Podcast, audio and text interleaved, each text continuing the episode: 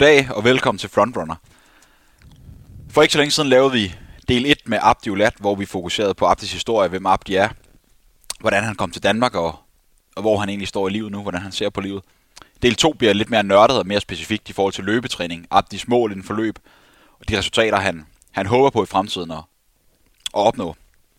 Så øhm, i den her del, der vil vi primært som sagt fokusere på Abdis træning og sådan lettere nørdet gå igennem, hvordan han træner, hvordan det er at træne alene i Danmark, om Danmark er et godt sted for elitesport, og så videre, og så videre.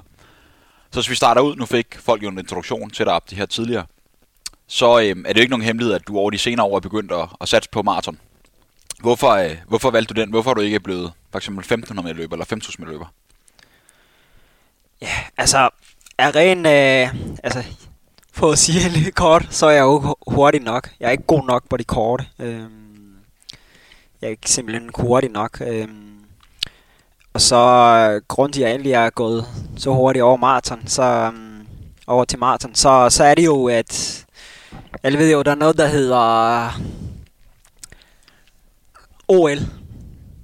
Det er absolut det største, du kan komme til. altså, man overhovedet som sportsmand kan være med til, ikke? Altså, når, um, kan deltage i. Øhm, så um, tilbage i 12, så, så så jeg, hvad hedder det, nogle udsendelser om uh, OL i, um, i London. Um, så kan jeg huske, at jeg ringede til Leo og sagde, det der OL, det vil jeg, det vil jeg da gerne prøve at være med til. Hvordan gør jeg det? så flækkede han bare og grinede og sagde bare, Mener du det seriøst? Så han det? ja, ja. Altså, og så sagde han bare, du, du er ikke hurtig nok, du.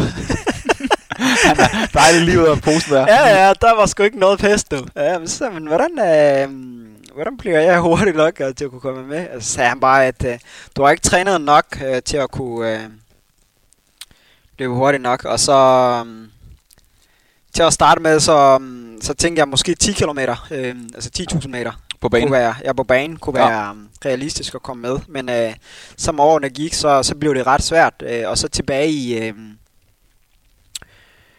15, tror jeg, der besluttede vi, at vi... Øh, der var jeg simpelthen ikke tid nok til at kunne... Jeg løb ikke hurtigt nok på tieren.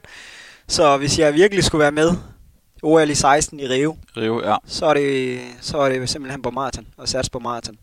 Så det var endelig udelukkende. Altså, der er ingen tvivl om, at sådan, det har altid ligget i kortene, at fremadrettet på lang sigt, så skulle jeg være maratonløber. Øhm, øhm, men, men grund til, at jeg er sådan gået så hurtigt over til at løbe maraton og så videre, øh, så, så var det simpelthen fordi, at jeg altid, altså det har været en langsigtet mål, at kunne komme med til OL i Rio i 16. Øh, Ja. Derfor blev det endelig maraton, øh, som jeg... Og så har kravene altså, på maraton ikke været så hårde, altså, som de andre distancer. Ej, det er jo øh, lige altså, lidt lettere. På en 10.000 meter, ikke? der skulle man løbe 28 minutter, øh, eller... Det er så kom B-kravet, ikke? Og A-kravet er jo 27-45, ikke? Altså, Og nu er der 27-28. Ja, nu er den 27 Følge de nye krav. Det er sindssygt hurtigt, altså. Ja. Øh, altså, man skal virkelig... Bare det der med at løbe øh, 70 sekunder, altså 2,55 på en øh, 400 meter, det skal bare folk prøve at se. Altså, til tider, så er det rigtig, rigtig hårdt, ikke? Altså, og det skal man så gøre på 25 omgang øh, for at kunne løbe hvad. Øh, nu kan jeg ikke... Ja, fordi øh, hvis vi siger- Er det 65? Ja, det må være sådan noget lige 65 høj, lige Ja. under 66. Ja, et minut og 5 sekunder, ikke? Per 400 meter. Det er 25 satme gange i streg. Ja, det, det er ret hurtigt, altså. Øhm, men Ja. ja. på maraton, der, er det jo, der har det jo været omkring de der 2.19, ikke? Men dansk, eller danske, hvad hedder det, um, krav, det var 2.15-15, tror jeg. Ja, det mener jeg også. Og det, jeg synes, vi er realistisk nok til at kunne gå efter. Øh, men det, sådan gik det jo ikke. Den første maraton var jo i øh, Frankfurt øh, 15, ikke? Altså, øh, og der kan jeg bare huske, at jeg lå til at løbe 2.13 øh, til omkring 33. Øh, men mellem 33 og 36, der sker der bare noget lidt ting. Altså en ting var jo, at det var debutmaraton, ikke? Og andet var jo, at jeg var så urutineret. Altså, jeg sagde bare, nå, nu er der kun 17 km tilbage, så jeg tog sgu ikke noget væske fra 25 så til 35, ikke? Altså, Og så du drak slet ikke jeg derfra? drak slet ikke. Øh, Nej. nej, men der, der, jeg dummede mig enormt meget, men, men det, det var jo også selvfølgelig også med til, at de kickstartede bare. Altså jeg lærte, det var nogle dyre lære, lærepenge, ikke? Men, men jeg synes også på et eller andet vis, det var nogle af de ting, som, som gjorde, at jeg at, at, at de gik øh, bedre, i hvert fald øh, foråret øh, 16, øh, hvor jeg heldigvis klarede kravet øh, i Hamburg. Ja, for der kvalede du endelig netop til to OL-krav. Det må også have været en stor forløsning. Du har set det her OL siden 2012 begyndte du at drømme om. Du så Jesper ja. Favre skulle løbe OL i London skader. Mm, mm. Og nu endelig vidste du, hvis, ikke, hvis du undgår skader, så er det dig, der skal stå ja. og være en del af det ypperste ypperste. Ja, det var fantastisk. Det var vanvittigt. Altså, øh, en ting, som jeg synes, altså, er vildt. Altså, det, det var sådan, ej, jeg kom over målstregen, ikke? Altså, jeg ved, altså, på et eller andet vis, så... Selvfølgelig var jeg super glad, men igen, så tænkte jeg bare sådan, ind i mig selv, hvis jeg ikke kan klare OL-kravet, så er jeg simpelthen ikke god nok. Altså, så, så, så er jeg heller ikke... Øh, så skal jeg bare tilbage og arbejde noget mere. Altså, øh, men øh, månederne op til, hvad det hedder, løbet, der fik jeg jo også trænet utrolig meget, og nogle af turene var jo 40 km, ikke? Altså 40 morgenmad, og man er, ej, man, hvor, hvor var det bare, hvor var det bare vanvittigt. Og den brugte jeg egentlig som maraton, fordi det var bare sådan, jeg tænkte, efter 30 km, så sker der bare noget specielt. Altså, det var sådan, det var helt vanvittigt. Altså, det, var, og det er ikke mentalt, altså, men det var simpelthen fysikken, den kan simpelthen ikke følge med. Altså, øh, og sådan har jeg bare haft, at øh, jeg er nødt til at bare presse på. Altså, til de der lange ture, der løb jeg, der lavede jeg sådan lidt langsommere ud den første halvdel. Og så gav han bare gas den sidste halvdel, ikke? Og, sådan, og det gjorde bare sådan, at jeg var fysisk klar til, da jeg skulle, øh, da jeg skulle løbe i Hamburg. Øh, og selvom det de tider, jeg kommer til at løbe alene, og man var... Ja, altså... At det er en, en modbydelig distance, ikke? Så var det jo en fantastisk oplevelse at kunne slutte og sige, nu skal jeg til Rio. Altså, det var... Det var vildt. Altså, det var jo nogle af de ting, som, som gør selvfølgelig også, at jeg, at jeg tør at satse. Altså, fordi det kan godt være, at jeg tænkte lidt anderledes, hvis jeg ikke kom med til OL i 16. Altså, øh, det, det skal jeg jo ikke kunne sige, øh, selvom, selvom jeg selv mener selvfølgelig, at jeg vil fortsætte. Øh, men det kan godt være, at jeg, jeg vil være i tvivl om nogle ting i dag. Øh, og nu er jeg jo, nu er jeg jo OL-kravet 2.11, ikke? Altså, er det lige blevet det hårdere? Og det, det, det tænker jeg, at hvis jeg ikke kan løbe det, så, så, så må det jo, altså fortjener jeg jo heller ikke komme med. Altså, det må være det, jeg går efter også nu. Altså, og det, det tror jeg, jeg, jeg både mentalt og fysisk klar til øh, at få kunne løbe det. Så ja, ja det er i hvert fald målet, altså fremadrettet. Ja, man skal jo drømme stort, det skal vi nok snakke om lidt senere her. Mm. Men som du selv nævner i Hamburg, da du klarede kravet i foråret 2016.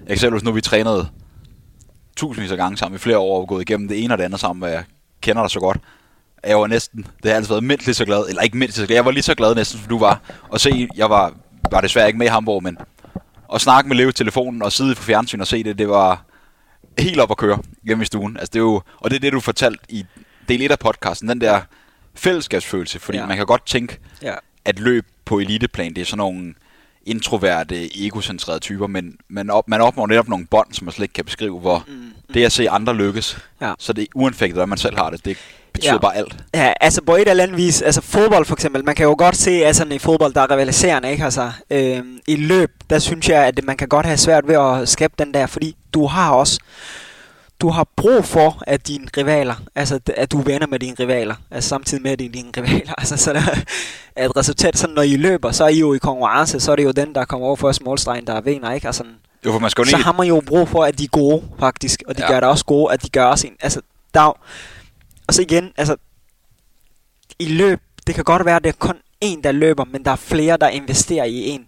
Og dem, dem, dem synes jeg ikke, de, de forsvinder på et eller andet vis i baggrunden. Altså, der, man, får den, man hører dem ikke særlig meget at vide, altså, hvordan man er blevet god. Altså, øhm, for eksempel træner Leo, ikke? Altså, har været altid, altså, han har jo nærmest fungeret som far for mig, ikke? Altså, ja. til tider, ikke? Og sådan, og, jeg har altid været velkommen hjemme hos dem, og hvor de har lavet lektier med mig og hjulpet, altså hjulpet mig igennem skolesystemet, ikke? Og jeg har lavet meget af den, da jeg for eksempel skulle op til indfødsretstesten, ikke? Og sådan nogle ting. Øh, og i dag er vi jo tættere øh, på hinanden end nogensinde, ikke? Altså lige sådan vi to er, altså gennem tiderne, der har, der har vores relation bare været, altså når vi har været sammen, så har det jo bare været super nørdet løb, ikke? Og prøve at se ham der, hvad han løbet og så videre. Og det, det synes jeg er jo super fedt. Altså, og det er nogle af de ting, som jeg kan lide. Altså, det er jo super fedt at få personlig succes, men jeg synes også, når der er andre, der er glade på ens vegne, altså, jeg, vil, jeg bliver jo selvfølgelig også lige så glad, når jeg ser, altså, der er andre, der lykkes, ikke? Altså, øh, det er jo super motiverende. For eksempel at se en, Anne Emilia vinde øh, EM Cross, ikke? Altså, når blive nummer 15 til EM, eller hvad det hedder, VM øh, Cross, ikke? Altså, det er jo det er jo fantastisk, og jeg selvfølgelig, selvfølgelig bliver jeg super glad på deres vegne, men det motiverer mig også samtidig. Altså, øh, fordi altså, når vi oplever noget, så glemmer vi også over det. Altså, det, det gør vi. Altså, øh, mennesker er vi jo sådan, at vi tænker hele tiden, at øh, vi går selvfølgelig... Vi satser på store, altså store ting, ikke? Altså, vi går kun til de yderste ting. Altså, det, sådan, sådan, er, sådan tænker jeg i hvert fald. Altså, i, selvfølgelig tænker jeg, hvor, hvor jeg var hen for 10 år siden, men det jo ikke det. Altså, jo, selvfølgelig har det været en del af processen, men, men jeg tænker bare processen fra nu af og så frem. Altså, øh, fordi det kan jeg ændre. Jeg kan ikke ændre, hvad der sker. Øh, og det, ja, altså. For det bliver jo lidt sådan en, føler jeg i hvert fald, elitesport bliver lidt sådan en besættelse. Mm. Selv hører man dem, som har sat, det sker sjældent, for, men dem, der sætter verdenskort, de føler hele tiden, de måske gøre det lidt bedre. Og det samme ja. ved jeg, du føler, jeg føler, ja. alle andre derude føler, der ja. bare har det mindst konkurrence med ja. Selv ja når du har opnået noget kæmpe, kæmpe stort. Du føler altså måske, kunne, måske ikke på dagen, men så kan det være, at du kunne have gået 10 minutter tidligere i seng de andre dage, eller spist lidt sundere, eller trænet lidt bedre. Og det er vel en del, er det ikke også noget af det, der driver dig, man hele tiden kan optimere på alle mulige variable? Altid, altid. Altså, der er altid nogle skruer, man helt, altså, der, vi kunne have drejet, eller kunne have tænkt, at det kunne have gået anderledes, og så videre. Uha, den dag, der kunne jeg have løbet måske lidt hurtigere, hvis jeg lavede en lille smule hårdere ud end øh, de første 10 km. Ikke? Altså, der er altid, men det er jo vis og vis, og det er mange antagelser, ikke? Og, sådan nogle, og der er masser af ting, man tænker hele tiden, når tingene er sket, ikke? og sådan nogle ting. Øhm, men, men hvis, det ikke, hvis man ikke tænkte sådan, så vil det jo også være sværere for en. Altså, fordi det er det, der gør, at man kan fortsætte. Altså, det er det, der gør. Det, det er ligesom det, der er drivkraften. Ikke? Altså, jeg tænker bare, jeg ved, jeg kan gøre det bedre. Altså, når jeg for eksempel jeg ser dig løbe for eksempel 1500 meter, så, så tænker jeg bare, du er bedre end det. Altså, jeg ved, du er hurtigere end det, fordi jeg ved, hvor meget du har trænet. Jeg ved, hvor hurtigt du løber til træning, ikke? Altså, og, og omvendt, det, det træneren også siger en til, altså, hvis man ikke har, hvis man har for eksempel løbet hovedet under armen, ikke? Altså, ej, jeg har flere gange fået sparke røven, ikke? Jeg havde sagt, hold kæft, mand. Hvad fanden var det for noget? jeg har for eksempel Leo flere gange sagt til mig, du tager kraften med toget hjem, mand. Altså, jeg gider ikke køre dig hjem, ikke? Og det, det er jo også, altså, det, det, jeg synes også, det, at det er vigtigt at lære det, at man, det handler ikke kun om at være den der, åh, det, øh, være tilfreds med det, man har opnået, ikke? Altså, det er vigtigt, at man også at man får lige skub en gang med, at man har den der person, som kan skubbe en, altså hele tiden, ikke? At sige, jeg ved, du kan gøre det bedre, ikke? Motiverende person, ikke? Altså, øhm, om det er en, en ven, eller en træner, eller en mor, eller en far, ikke? Altså, man skal hele tiden finde nogle ting, som kan motivere altså øh, eleven, atleten, altså øh, personen, der er i svær situation, ikke? Altså, øh, fordi og det, det behøver ikke være kun rosende ord, det kan også være bandord. Altså er det det, der kan sætte dig ind i, at du øh, kommer igen med en, en hård maraton eller ultraløb og så videre, så, så er det jo det, du har behov for. Altså jeg personligt, så, så må folk sige, hold kæft, du løb som en... Sæk kartofler. ja, sæk kartofler. Altså, det, det vil jeg faktisk blive mere glad for end... Øh, altså, selvfølgelig vil jeg jo ikke sige til folk sådan, men altså... Ja, folk kommer over til mig og siger, hold kæft, du løb dårligt i dag. Det, det, vil jeg, det, vil, det bliver jeg mere glad for, end de roser mig for. End, end for eksempel, hvis jeg har løbet en, eller har vundet et eller andet ikke, i en, en langsom tid. Ikke? Altså. Ja, fordi noget jeg husker, øh, som jeg også ved, du er enig i, men jeg kan huske dengang vi, i kursørdagene, kursør i alle de fantastiske år dernede, at leve, hvilket vi begge to godt kunne lide, han ville kun at gøre, hvad skal man sige, forstået korrekt, hvis man virkelig var seriøs. Og vi var faktisk ikke særlig mange i vores lille træningsgruppe. Til gengæld var han der altid, og han lærte os tidligt for en ung alder, at juniorresultater og 23 resultater, det er fuldstændig ligegyldigt. Det handler om at træne og have nogle gode oplevelser. Det er, når man er senior, det tæller det, når man er 7, 28, 29, 30, 31 år, det gælder. Og han lærte også, at kan jeg huske, det kan du sikkert også fortælle om, han lærte os virkelig begge to, hvad er hård træning. Fordi jeg tror ikke, vi vidste, hvad hård løbetræning det var inden der. Mm. Og det var også noget, der bad præg senere hen, at vi ved, man kan altid træne. lidt mere, lidt hårdere, restituere lidt mere, være mere fokuseret. Ja, det må man også sige. Altså, det er det, jeg synes, at Leo har været rigtig god til, det er det her med, at den rammer, altså, øh, som man også har brug for som ung, ikke? Altså, man har brug for nogen sådan, som er large, men også siger, ved du hvad, du skal ikke løbe mere end det her. Ja. Men når vi træner intervaller, så har jeg også, så skal du være frisk. Hvis du ikke er frisk nok, så har du simpelthen trænet for hårdt de Ja. andre dage. Så når jeg siger, at vi gør den her måde, så gør, du, så gør vi også den her måde. Og det synes jeg har hjulpet en del. Altså, det er jo bare sådan, at man holder sig ind for skiven, ikke? Altså, men, øh, men også det der med at forstå, altså, det er jo også en, en proces, ikke? Altså, det er jo sådan en slags udvikling. Altså, man... En ting er, at man er træner og atlet, ikke? Altså, andet er, at man er... Um, han bruger også utrolig meget af sin fritid på, og at du bliver bedre, ikke? Altså, øh, og den... Den lærte jeg i hvert fald meget af, altså, at man... Man skal simpelthen høre efter, altså. Fordi man har meget at lære. Du, snart, du har øh, med en øh, gavet herre med at gøre, ikke? Altså, at det der med at have respekt for det, han siger. Respekt for, at, øh, at han også har det samme mål, som du har. Altså, selvom han ikke løber, så har, så er det hans motiver, altså at det motiverer ham også, at, at vi to for eksempel bliver bedre løbere, ikke? Altså, øh, og også bedre mennesker, altså. Jeg ved ikke, om du husker det, øh, men på et tidspunkt, så var vi i Sverige og løb en 3000 meter. Så kan jeg huske, Leo sagde, at I skal ikke gå med de forreste, fordi de løber under 8. Hvad tror du, vi gjorde? Vi løb, vi løb med de forreste. og, stedet, og ja, og i stedet for at løbe øh, en PR hjem, så, så løb vi langsomt begge to, ikke? Altså, ja, jeg husker, jeg fik ind over nakken, ikke? Altså, og det, man har også brug for sådan en, altså, at I er ikke i form til det der, men nogle gange så, så taber man fuldstændig hovedet, ikke? Altså, øhm, Ja, så lærer man af det.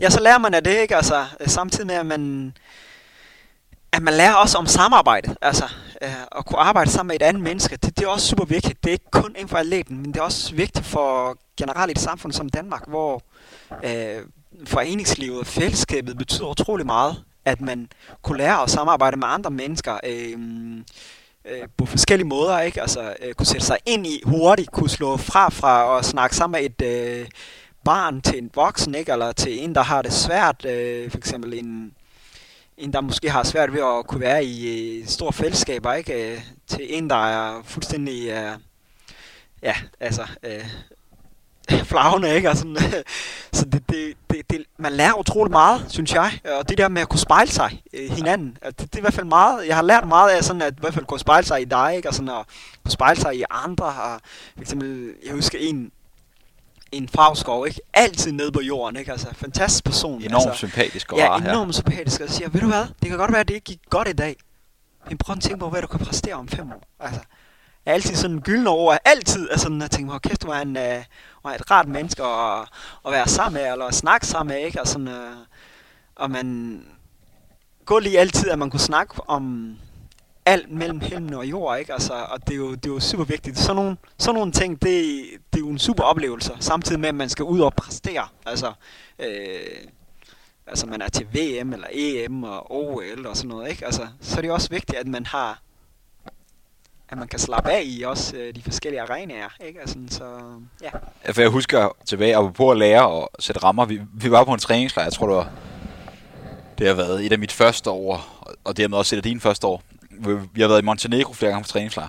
Og Leo var ikke med på den her træningslejr, han har været med på, på andre træningslejre, men du og jeg, vi var der, vi var de eneste, hvad skal man sige, mellem langdistansløbere. I hvert fald for vores klub, så havde vi en masse af de andre drenge med, der var mange kæmper, sprinter og så videre, så vi var lidt alene, så at sige, med træning. Og Leo har nok ikke tænkt, at vi ville gå sådan noget mok, som vi gjorde, fordi vi har fået lidt fri hænder. Vi var i Montenegro i syv dage, og jeg kan huske, vi to boede på værelse sammen med en øh, tidligere løber, Mike Olsen. Og vi tre boede der og hyggede os, men det der var ved det, det var, det var nogle af vores første løbeår. Og vi trænede, jeg kan huske klokken 6, 6.30 om morgenen var der første løbetur. Så spiste vi morgenmad, lærte os i sengen, sov til middag. Anden pas klokken 11, og så igen klokken 17. På de syv dage, vi var helt relativt nye løbere, der kan jeg huske, der havde vi klokket 252 km på ugen. Inklusiv mere end 50 km af piksko intervaller på banen. Og jeg kan huske, når vi skrev mails til Leo, der var det ikke, hold kæft, hvor er det godt, dreng. Der, der fortalte han, prøv dreng, det der, det er dybt forkert, det bliver ikke bedre i det der. Og der, det lærte os virkelig jo, fordi da vi kom hjem, jeg fik kyssesyre, du var pissetræt og halvskadet, og der lærte vi virkelig på den, på den hårde måde. Fordi jeg, vi to, vi troede bare, jo mere, jo vildere, jo hårdere, jo bedre.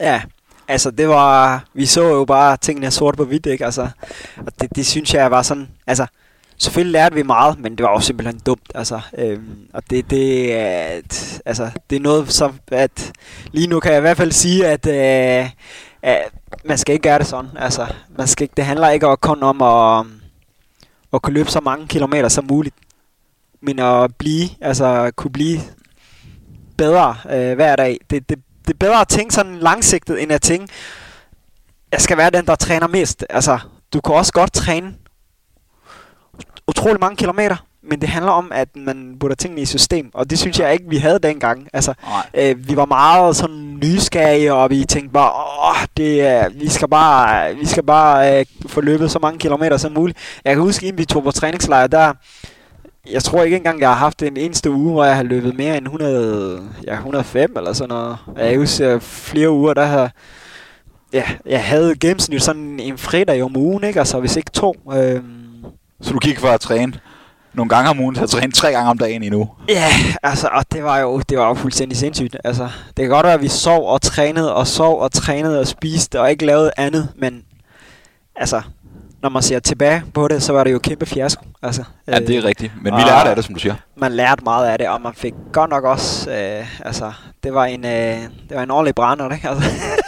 ja, det... Og Leo, han... Øh, jeg kan da huske, Leo, han... Øh, altså, han var super hver dag. Altså, så jeg var, prøv at se, hvor jeg selv, mand. Altså, jeg er fuldstændig ødelagt, jeg, ikke? Altså, ja, det er, det er jo fuldstændig ansvarsløs, ikke? Altså, øh, ja, fordi... Det, hvis vi går lidt uh, i forhold til, hvad vi lærer omkring træning, hvordan, hvordan ser du dig selv som løber nu i forhold til for eksempel for 6-7 år siden? Altså, hvordan tænker du, træning skal bygges op, for du når dit maksimale potentiale? Altså, der er jo ingen tvivl om, at træning, hvis man skal blive bedre, så øh, altså for mit vedkommende, øh, så, så handler det om kontinuitet i træning, altså uden skader og Altså nu er jeg jo blevet maratonløber, så for mig handler det jo om at få skovlet så mange kilometer som muligt, ikke? Altså, øhm, og øh, få lavet en specifik maratontræning, altså også med at være specifik øh, om hvilken distance jeg satser på, ikke? Altså nu, jeg løber jo stadig mellem 10 og øh, halvmaraton og nogle gange måske 5 ikke? Og sådan, og, øh, og det, det, det kan godt være sådan lidt, altså så er man ikke specifik, så har jeg ikke trænet specifikt nok, ikke? Altså, men, øh, jeg tænker, fra, hvordan, hvis man sådan skal give lidt mere konkrete eksempler. Vi sidder nu her den 20. april, mm. og som sagt, du lige kom i gang igen med træning efter en, en hård periode med VM Cross og flere halvmarathons osv. Øhm, du har også løbet nogle gadeløb blandt andet. Tyskland, Holland osv. De store mål i år, det er jo i november, hvor der umiddelbart bliver november og løbe maraton. Ja. Og så ved jeg også, at du, du meget gerne vil løbe en 10.000 meter i Leiden her om ikke særlig længe. Så det vil sige, det næste stykke tid, hvordan er træningen bygget op mod 10'eren, og er det så det efter maratontræning, eller hvordan bygger man det op sådan? Altså næste periode fra for eksempel i dag af, der, der bliver det jo sådan noget som ikke så lange ture, øh, masser af banetræning. Altså når jeg laver intervaller, så bliver det kortere intervaller, sådan noget 400 meter. Altså længst, det bliver sådan 2 km intervaller, ikke? Altså, men heller ikke så mange af det, måske gennemsnit øh, 8-10 km. Øh, øh, hvad hedder, intensiv træning, ikke? Altså, øh, og det, det bliver det kun, altså det er meget sådan kort periode, f.eks. frem til juli måned, ikke? Altså, øhm, det er fordi, at når man skal løbe 10.000 meter, så har man behov for, at man får trænet lidt intensivt, i hvert fald. Men knap så udmattende pas, som maraton er, ikke? Altså, øhm, så det bliver meget banetræning. Øhm, måske nogle gange øh, fartleje, men ikke så lange intervaller. Altså, og Ja, altså. Hvad, hvad kunne eksempel være til dem af derude, der tænker, hvad er det for nogle banesvalg op, han løber? Hvad kunne det være, for eksempel, du vil løbe de næste par uger, når du er på banen og skal løbe intensivt? Altså, jeg laver meget, for eksempel sådan noget som øh, 8 gange 1000 meter, 5 gange 1600, 5 gange 2 km, øh, 20 gange 400. Hvad fart løber? Er det 5 øhm, km fart, 10 km fart? Hvad snakker altså, primært 5 km og hurtigere. 5 km hurtigere, øh, Jeg ja. løber sjældent 10 km fart, når jeg løber de intervaller der. Altså, det er jo sådan noget det langsomste er nok 52 og hurtigere. Øhm, ja. Fordi man har jo behov for at skulle altså, træne lidt, øh, så man kan slappe af i, altså for eksempel hvis, lad os sige, jeg går efter for at løbe 28-30, ikke, og sådan, Det er så omkring de der 2,31, eller 2,51, ikke? 2,51,5 eller sådan.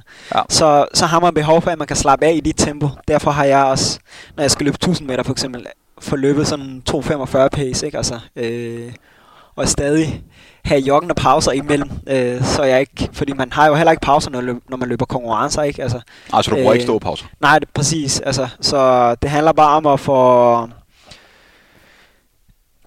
komme ud af sin komfortzone, ikke? Altså, øh, og når nu jeg løber 400 meter for eksempel, så handler det jo selvfølgelig også om, at man er jo ikke i gang i så lang tid. Så, så er det jo mellem 62 og 64, jeg løber, ikke? Altså, når jeg løber, Sekunder. Ja, sekunder ja. Øh, per 400, ikke? Altså, og nogle gange hurtigere. Altså, hvis det for eksempel er kun 1200, eller hvad hedder det, 12 gange 400 meter, ikke? Altså, så er det jo gennemsnit 60 eller under. Altså, Hvad har du så af pause, for eksempel på Så- 12 gange 400 meter i så kan der godt være sådan noget, så deler jeg den i to, så hedder det 2 gange, 2 gange 6 gange 400 meter? 400 meter, ikke? Altså, så, så har jeg noget, der hedder seriepause, ikke? Efter hver 6, ikke? Altså, men så har jeg 400 meter, så løber jeg 400 meter sprint, og så har jeg 400 meter, hvor jeg jogger imellem, ikke? Ja. Til gengæld, så skal jeg jo løbe alt, hvad jeg kan. Øhm, på de 400 meter, ikke? Og så har jeg en seriepause på 4-5 minutter, øh, og jeg jogger imellem, ikke? Altså, øh, Ja, for jeg tænker også sådan nogle pas, nu, nu kender jeg dig som løber. Hvis man ser på dig som løber, som du selv fortalte, grund til, at du skiftede til maraton, det er simpelthen fordi, du er for langsom. Mm. Du vil aldrig blive en verdensklasse 5000 løber. Mm. Selv hvis du kunne komme ned og løbe, skal vi sige 13-10, 13-12, Ja. I forhold til en ny OL-krav. Ja. Du kan ikke være med i mesterskaber, fordi Nå. de drenge, de lukker af, og så jamen, der, er ikke, der ved, hvad jeg mener med lukker af. Altså, de løber typisk de sidste 400 meter på omkring 52-52,5 sekund. Og det er jo din svaghed. Så i den træning, du fortæller, du har jo hele den der aerobe udholdenhed base, ja. Kvad din martræning. Så det vil virkelig, det vil være hårdt hårdt i pas for dig, at ligge og løbe så hurtigt, fordi det er langt ud af din komfortzone. Du er bedre til at løbe 30 km i 3-15 km for eksempel. Mm, altså, det, det, det er det, det er det, og, men det er jo ikke den måde, jeg tænker det på. Jeg tænker mere sådan, altså, al træning er hårdt Ja, på et eller andet vis. Altså, et eller andet tidspunkt, så bliver man træt. Altså, vores krop kan ikke holde til.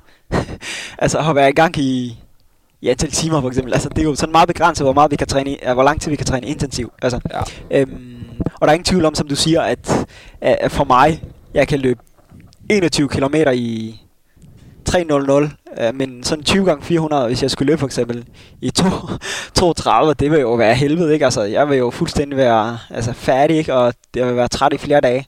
Jeg, jeg Øhm. husker allerede, vi løb, dengang i kursørdagen, der løb vi nogle gange, kan huske sådan nogle mixpas, for eksempel, hvor det kunne være 7 gange 800 meter, kort pause, sådan 400 meter. Det vil sige, vi løb noget længere, noget kortere. Og hver gang, der løb du altid bedre end mig på det længere, jeg løb bedre end dig på det kortere. Man kunne tydeligt se forskellen på løbetypen, at du mere var den der, hvad skal man sige, grindende landevejsløber, ja. der kan holde sådan et moderat højt tempo i lang tid. Ja, altså jeg er mere tempoløber end en sprinter, for eksempel. Det Ja. kan man godt sige. Altså, jeg, øh, jeg kan simpelthen ikke løbe hurtigere. Altså, øh, det kan godt være, at jeg ikke syrer, men jeg har bare ikke de der, øh, altså... Øh, Du kan ikke flytte benene nej, simpelthen. altså lige så hurtigt. Altså, jeg kommer ikke lige så meget f- hurtigt frem, ikke? Altså, men over længere tid, så kan jeg holde højt pace, ikke? Altså, men jeg gør de her, øh, endelig de her 400 meter hurtige intervaller, fordi det er det, jeg har behov for. Altså, Ja. ja. jeg gør det simpelthen ikke, fordi det er altså, det er simpelthen ubehageligt, men, men jeg træner heller aldrig sjældent, altså det er sjældent, jeg går ind til intervalpas, fordi at jeg synes, det er fedt. ja, Altså, du nyder det jo ikke, når det går nej, det gør jeg hamrende ondt. det er fordi, at som løber, så skal man tænke, man skal ikke tænke, øh, hvad man har lyst, men man, men man skal tænke i de baner, hvor man tænker, hvad har man brug for? Ja. Hvad er det, man mangler? Altså, og det er det, jeg sådan spørger mig selv. Altså, hver gang jeg har løbet for eksempel øh, konkurrence, hvad er det, jeg mangler? Og det er Ja. jo hele tiden det, man skal have med. Så skal man gøre det en del af, altså, en integreret del af ens træning. Altså, man skal prøve at adaptere det, Ja. øh, den træning, over længere tid. Der er ingen tvivl om, at jeg ved godt, det er en relativt kort periode at lave øh, banetræning frem til juli, ikke? Altså, og kunne løbe en rigtig god tier. Men stadig, altså hvis jeg ikke laver det, så løber jeg jo så løber jeg ikke øh, altså 28-30, som jeg håber på at kunne løbe for eksempel til, til juni, juli, ikke? Altså, Ja, fordi en del af planen vil også med at løbe en hurtig 10 meter. Er det ikke også netop at komme ud af, af den her kun maratontræning? Jeg synes, ser mange motionister, forstår mig ret, de kommer til typisk at træne maraton pace og ikke meget hurtigere. Er det ikke for, når du skal ligge og løbe maraton i for eksempel, hvad ved jeg, 3.10 per kilometer, at så føles det pludselig rigtig, rigtig let. Hvor hvis du ikke har været nede og løbe 2.45 per kilometer, så kan 3.10 faktisk være hurtigt. Er det ikke også for, planen er, som du siger, langsigtet, at blive en endnu bedre maratonløber, sådan at lige pludselig så føles det heller ikke særlig hårdt at løbe 3.00 per kilometer. Ja, det er nemlig det. Altså, det er nemlig det. Jo mere, altså, hvis, hvis man skal blive rigtig god maratonløber, så handler det også om at kunne flytte den der. Altså, at man kan... Øh, at man relativt kan transportere sig de første 35 km, øh, kunne være i komfortzonen, og så derefter altså, begynder at... Altså, så er, så er jo løbet ligesom også udformet, ikke? Enten er man med, eller så er man ikke med, ikke? Altså, Jo. Øhm, så det er jo selvfølgelig det, der er målet. Altså, hver gang jeg har løbet maraton, så kom, når jeg kommer tilbage, så løber jeg ikke lange intervaller. Så er det altid 30 eller 1 minutters intervaller. så Det er simpelthen kunne, for at kunne få noget fart, altså få noget spændstighed, for også kunne løbe mere økonomisk. Altså, de giver... Altså, det, det- i løbet skal man tænke på, at man skal kunne flytte benene... Øh, hvad kan man sige? Øh, altså, man skal ikke bruge så meget energi på at flytte benene. Nej, altså, i, i den det skal være så effektivt ja, som ja, muligt præcis. per Altså, man skal, man skal træne. Ja, præcis. Altså, og derfor skal man simpelthen...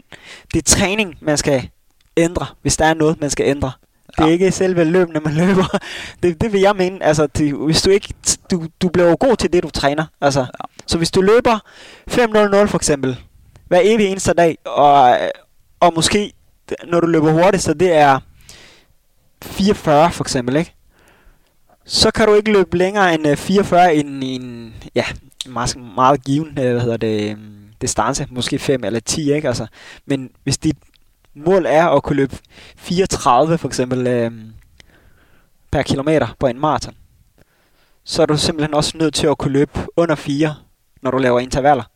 Fordi Ja. ja. så kan du slappe af i 4.25, altså Så du i sindssygt lang tid. Altså, Så du siger, ligesom du gør, så simpelthen til, til alle løbere derude, at man egentlig skal dele året ind i forskellige træningsperioder, Ja. så der er en form for periodisering, altså hvordan man bygger træning op. Som for, jeg ved, du har typisk måske en, hvis vi siger for eksempel, at målet er efteråret, så kan det være, at øh, januar, februar, marts, det er mere sådan en opbyggende grundtræningsperiode. Eller hvordan, hvordan bygger du sådan, hvis du sådan groft over har du nogle forskellige perioder, siger man, hvor måske er grundtræning, banetræning, maratontræning, eller hvordan ser du på det? Jo, men det kan man godt sige. Altså, man har jo altid sådan... For eksempel, lad os sige, at vi starter i...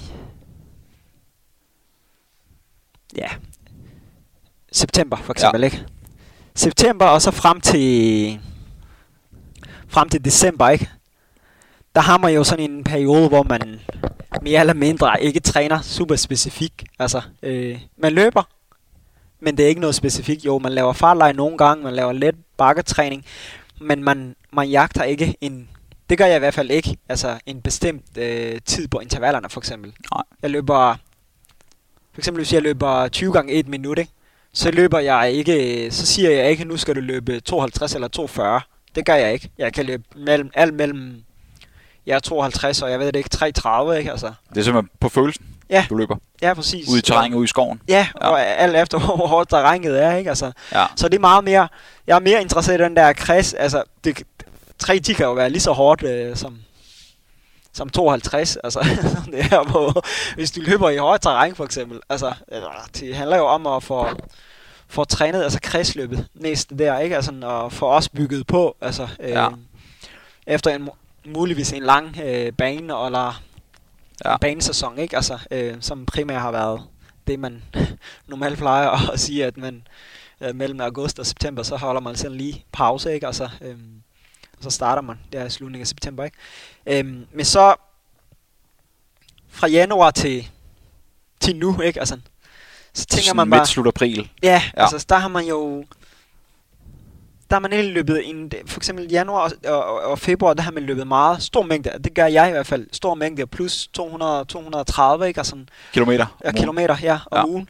Og så, um, så er der altid sådan uh, en 10 eller en halv maraton i marts, hvor man så i slutningen af februar prøver at lave nogle intervaller på banen, eller på banen, eller stadig nogle, altså noget fartleje, landevejtræning, ikke? Og sådan, men stadig hvor man uh, er i, i mængdetræning, men prøver at løbe nogle intervaller, som man nogenlunde kan få løbet en uh, fornuftig tid på de her øh, konkurrencer, som man nu har planlagt. Ikke? Altså, og så i mellemtiden, så har man jo masser af øh, crossløb for eksempel. Ja. Hvor jeg for eksempel har deltaget, men ikke har haft nogle specifikke mål andet end at bare se, hvor man ender. Ikke? Altså, øh, øh, og det er jo nogle ting, som det er jo en del af ligesom af træning, selvom man tænker, er det ikke hårdt at løbe konkurrencer? Jo, men cross handler det jo også lige så meget om, hvor meget styrke har man. Altså øh, både kredsløb, men også, øh, man får trænet jo sådan øh, styrke, ikke? Altså i musklerne, ikke? Altså, jeg er jo ikke en, der går i øh, for eksempel fitness og får løftet masser af tunge øh, styrker. altså, jern, vel? Altså, det, det gør jeg ikke. Altså, det er jo ikke... Det er jo heller ikke de baner, jeg skal forbedre mig Så jeg løber masser, altså crossløb for egentlig for at lave noget, ja, altså finde både kredsløbsstyrke, men også muskelstyrke, ikke? Altså, øh, og så Ja, synes jeg personligt, det er mega fedt at deltage i cross. Øh, Ja, for det er ikke fedt. Det synes jeg personligt selv. Ja, det ved cross, der netop er så unikt, ja. det er, at distancen, pacet, hastigheden, det er fuldstændig irrelevant. Det er Mm. mand til mand. ja, Om vi løber 3.00, 2.50 eller 3.30. ja. Det handler om, hvem kommer først om målstregen. Hvorimod Mm. på banen og landvejen er der typisk lidt det her tidsaspekt. Man løber man 72 på omgang, eller 68, ja. eller så Ja. Men det er heller ikke den hurtigste, der vinder altid. Altså for eksempel den hurtigste mand på banen er ikke altid den bedste crossløber. Altså, øh, så det handler om at hvor, hvor, hvor meget kan man kapere, ikke? Altså, øh, er der nu, hvor god er du at løbe i terræn? Hvor god er du i at løbe i øh, blødt underlag, ikke? Altså, hvor god er du i at løbe i teknisk bane, ikke? Altså, øh, så det, det er sådan meget... Jeg synes, det er, det er meget sjovt, og det varierer også, hvem der vinder, ikke? Altså, øh, ofte er det jo selvfølgelig den, der er, er bedst forberedt, der vinder, ikke? Altså, øhm, men, men jeg synes bare, at de giver, de giver enormt meget. Altså, Ja. især når man kommer på landevejen eller på banen, øh, øh, så, så, så synes jeg, at man kan tage meget med, fordi man er, det giver enormt meget power, synes jeg. Øh, Overførbarheden virkelig ja, stor. Øh, og så fra ja, april frem til juli, juli august, der er det jo sådan primært færre kilometer, og så øh, masser af intervaller, tre gange intervaller om ugen, ikke? Altså, Ja, som du nævnte før, de forskellige baner. Så Ja, ja, præcis. Altså, øh, og meget mere sådan konkurrenceorienteret, meget mere tidsorienteret. Altså sådan meget, man jagter bare sådan, i dag løber du for eksempel 8 gange 1000 meter i 240 eller 245, ikke? Altså, det er sådan meget... Ja, så det rammer er du bare- på sekunder, så ja, løber det du ikke det. 238 eller 242, du Ja, er løber nemlig 240. Ja, Det- ja, ja. ja, det er nemlig det. Også hvis du er frisk, hvis... Ofte har det jo sådan, har levet været, altså, øh, hvis du skal løbe så for eksempel 10 gange 800, ikke? Altså, og han siger, at du skal løbe 210 Per 800 meter. per 800 meter, så er det det, du løber. Altså, ja. øh, også hvis du er frisk, hvis du kan løbe hurtigere, så Ja. behøver du ikke løbe hurtigere. Altså, altså, hvis du kan slappe af i dit tempo, så betyder det også, at du kan løbe hurtigere, når du løber på konkurrencer. Altså, Ja, for det handler Øh, om på dagen at kunne slappe mest muligt af ja, i en skivende race pace. Ja, det er nemlig det. Altså, Ja. man skal... Det er vigtigt at kunne adaptere det her tempo, man løber i, i de forskellige tempoer, at man kan slappe af i det. Altså, Ja. flytte dine ben så hurtigt som muligt, som, samtidig med, at du kan slappe af i din krop, ikke? Altså, og det, det er jo egentlig det, man skal arbejde med. Øh, Det, det synes jeg, det er det. Altså, det er i hvert fald det, jeg sådan arbejder med til dagligt. Altså, Ja. øhm, om de... Hvis jeg, altså, at løbe 3.00 kan også være svært, altså, til tider. Det kan det jo. Det kommer an på, hvilken form man er i, ikke? Altså, Um, absolut, absolut. Ja, øh, så øhm, det handler om at kunne slappe af i de forskellige tempoer og kunne integrere. Altså, øhm, det er ikke, altså, så... Hvordan så, hvis vi kom, nu er vi ude af baneperioden, siger vi, vi begynder at nærme os, vi der er måske tre måneder til, til hovedmålet, som er maraton. Kan du nævne nogle af dine mest intensive uger, sådan kort fortalt, hvilke hårde pas er vigtige for dig, og hvor mange kilometer vil du gerne prøve at ramme? Hvad, hvad er fokus i de her perioder?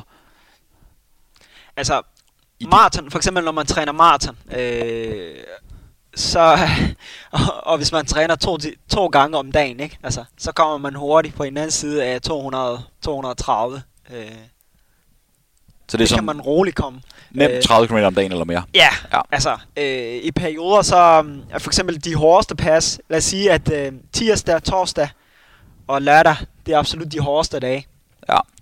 Så tirsdag kan jo godt være sådan en dag, hvor... Nej, lad os starte mandag for eksempel, ikke?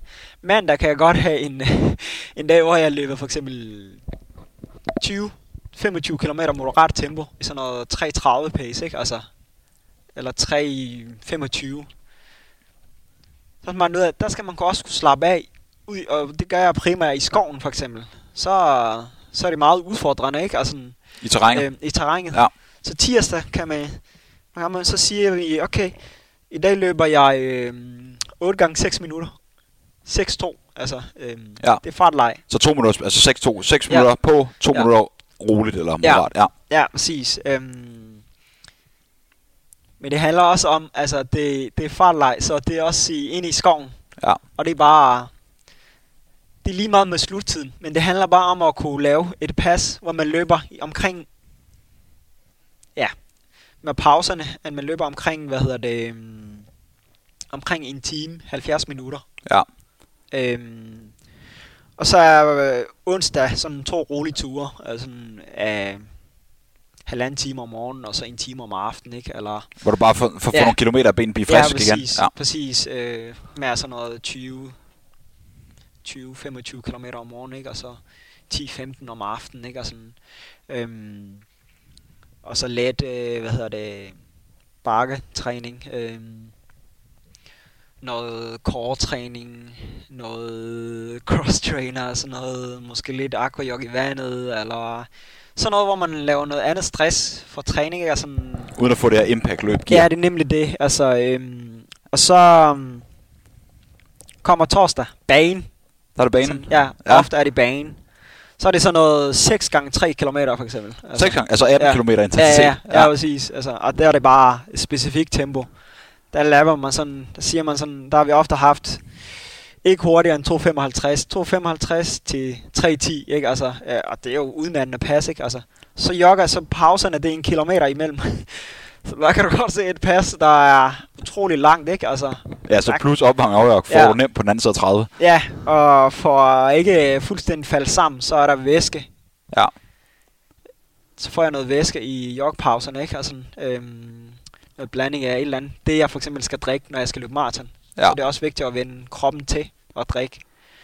Øhm, og der kan jeg godt sige, at om fredagen, der er man jo fuldstændig ved at falde sammen. Ikke? Altså, man er enormt træt, øh, så om fredagen, der er det sådan to gange en time. Øh, rolig, rolig, virkelig rolig tempo. Altså, det kan godt være sådan, om morgenen, det er sådan lidt hurtigere end om aftenen. Øh, om morgenen, der er det mellem, ja, 24 til, ja, til 4.30, eller noget, måske 4.35, ikke? Og, sådan, og så om aftenen, der er det sådan 5.00. Jeg tvinger mig selv til at løbe langsomt, Ja. så langsomt som muligt, altså øh, en time, ikke? Altså, øh, Ja.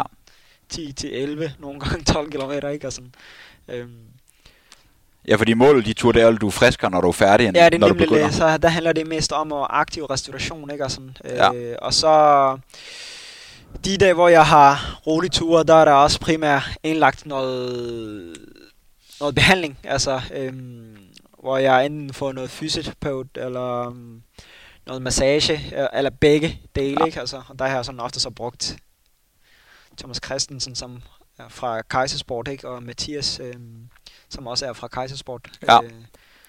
Øh, begge to er med til at behandle mig og så videre. Øhm, og det er jo super afgørende, at man, øh, at man får løsnet alle de her, fordi der er ingen tvivl om, man kommer til at få masser af spænding.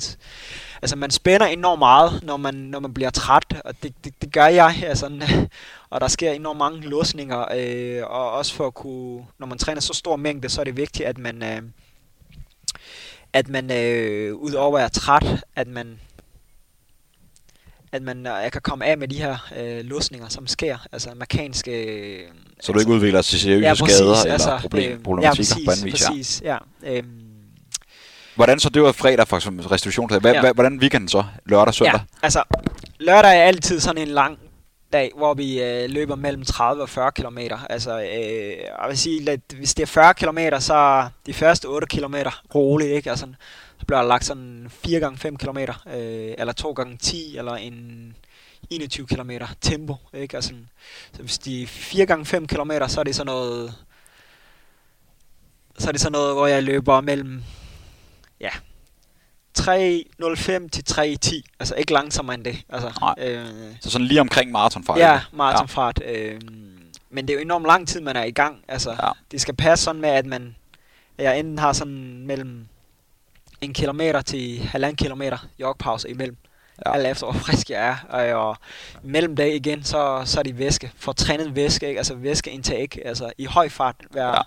Altså, for sådan lige væske hver tredje kilometer, ikke? Og, sådan, øhm, øh, og der har jeg så ofte haft det leve med på cykel. Øhm, alle sammen løbet i, for eksempel hvis jeg har været i Kenya, så har, jeg, så har der været en bil, altså en følgebil, ikke? hvor man har haft, man kunne få væske, ikke? Altså, øhm, Og det gør det i hvert fald noget nemmere at løbe i grupper, ikke? Og sådan, men når jeg er alene, så, så kan det godt være ret hårdt at skulle løbe. For eksempel nogle gange, så har der, så har der været sådan 2 gange 10 km øh, efter 8 km opvarmning. Ikke? Det er en enormt lang opvarmning, ikke? Altså, Ja. til, altså det, det, jeg synes er sådan, altså hvis man skal sammenligne banetræning og, og, og for eksempel maratontræning, det er, at en banetræning, det kan tage en halv time til en time, så er du færdig Ja. med det hele. Altså, når du laver maratontræning, så kan det jo tage, så kan et pas tage to, ti, to til tre timer.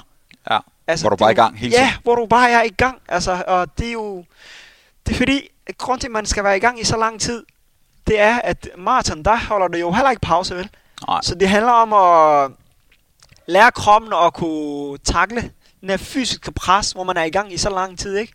Og det kan man virkelig mærke, øh, efter man er stoppet, at man har været i gang i så lang tid, og det kan man også mærke to-tre dage efter. Øh, derfor er det vigtigt, at man også får, får fyldt depoterne. Altså, det er... Jeg kan godt sige dig, at det er, der ryger lige sådan en, en, øh, tre måneder. Hver, hver uge, der ryger der i hvert fald øh, 5-10 kilo, hvad hedder det, havregryn, ikke? Om det er havregrød, altså, når jeg bliver utroligt træt af havregryn, så bliver det havregrød med mig, ikke? Simpelthen for at få noget Ja, ja. energi inde på os. Ja, altså nogle gange er man jo så træt, at de, de skal være de skal være havgrød, ikke? Fordi at man ikke har Ja. kræfter nok til at kunne tykke havgryn, ikke? Altså, Ja, fordi jeg må drille dig lidt en Ja, ja, lille ja. sjov anekdote. Jeg kan huske, da vi to startede, jeg kan huske allerede tidligt, jeg har altid været enormt nørdet med sådan noget kost og sådan noget, men jeg kan huske, jeg undrede mig altid i starten over, da jeg lærte dig at kende efter træning. Så kan jeg huske i starten, der spurgte nogle gange, øh, Mads, skal vi ikke gå hen og tage en shawarma eller en kebab på den lokale? Jeg tænkte, hvad fanden, vi er lige trænet, vi skal da ikke gå hen og udlægge det hele dressing og noget halvklam kød. Og der, der, har du, er det ikke der har du virkelig fået ændret dit, dit syn i en vis grad. Altså, jeg har ikke set dig i mange år spise en kebab efter træning. nej, altså det er, det er i hvert fald, man kan tale det i hvert fald med, med en hånd, hvor mange gange jeg har været ude og hænge ved den lokale grill, ikke? Altså, det, Ja. det er sgu ikke så sikkert. altså, altså, en god historie for eksempel, jeg kan huske, det er, at øh, tilbage i 10, tror jeg, Ja. der, øh, der kan jeg huske, at vi kører fra Korsør og var vej til noget, der hed Olympic Games. Og så fik jeg ikke morgenmad morgen der, så da vi kommer frem der, sådan, så tænker jeg bare, jeg er rigtig sulten. Og der er sådan lige tre timer til løbet starter, ikke? Så kan jeg huske, at jeg løb fra stationen, eller fra stadion til, til et eller andet, sådan en, øh, ja, beta grill der, sådan, og så købte jeg lige en, øh, en kikkert der, en durumrulle. Det var morgenmad. Ja, ja, og så spiser jeg lige den der, det, den, den virkede fantastisk. Altså, det, jeg satte sgu PR med... Du løb sek- godt på den der. Ja, ja, jeg satte power PR med kebaben 8 der. sekunder nu. Altså, øh, Sådan. det var da helt vildt. Altså, men altså, starten af, starten af karrieren, der var løb jo bare øh, en ting, jeg havde. Det var sådan en fritidsaktivitet, ikke? Og Jo, i dag er jo løb jo en del af mig, en del af min identitet, ikke? Altså, og det er jo, jeg gør selvfølgelig alt, hvad jeg kan for at optimere. Øh, om det er kost, eller om det er sove, om det er, hvad hedder det... Altså, nogle gange har jeg været så træt, at jeg har sagt, ved du hvad, jeg bliver ikke dummere for at tage, jeg bliver ikke dummere ved at, hvad hedder det, at, at blive hjemme øh, fra skole. Altså, så må jeg jo bare læse det hjemmefra. Altså, så Ja. har jeg sagt, ved du hvad, det er bedre, at du lige sover fem timer mere, end, øh, end, end, end du bare hænger der og ikke har lært en skid, men har bare været træt, og når du kommer hjem, så er du pisse smadret, ikke? Altså, øhm, så jeg har selvfølgelig gjort alt, hvad jeg kan for at optimere og givet frakald fra alt muligt andet, ikke? Altså, øh, Ja, for det minder mig også om, jeg ved, vi begge to har ham som nok en af de største løbere nogensinde. Haile Gebrselassie, den legendariske etiopier. Fantastisk menneske, en fantastisk løber. Men jeg kan huske, en af de ting, han har sagt igennem tiden, det er, at det er ikke de to timer, man løber om dagen, når man bliver god. Det er de resterende 22 timer i døgnet. Og det er vel også noget, du virkelig har lært, at det er ikke kun, når du er ude og træne. For man kan sige, at når man træner, så nedbryder man sig selv, sådan groft sagt. Det er, når du kommer hjem. Det er derfor, restitutionen starter, så du kan få en effekt, en adaptation af træning. Bestemt, bestemt. Altså, det synes jeg er noget om, fordi de bedste løb, jeg har haft, der har det været faktisk øh, de perioder, hvor jeg har haft øh, ro, ro om hovedet, ikke? Altså, øh, så lidt som muligt om, om ørerne, ikke? Altså, øh, om det er øh, telefonen, der ringer, eller om der er øh, folk, der løber omkring en, ikke? Altså, vi bor i et samfund, hvor alting er til, talt op, ikke? Altså, vi skal være, vi skal være et sted, altså, øh, altså hver minut, ikke? Altså, øh, i hvert fald i hverdagen, ikke? Altså øh, hver time, ikke? Altså, vi skal møde øh, i skole for eksempel klokken 8, ikke? Så er vi fri måske 16, ikke? Og man skal, børnefamilien, de skal hente deres børn, ikke? Og sådan, noget.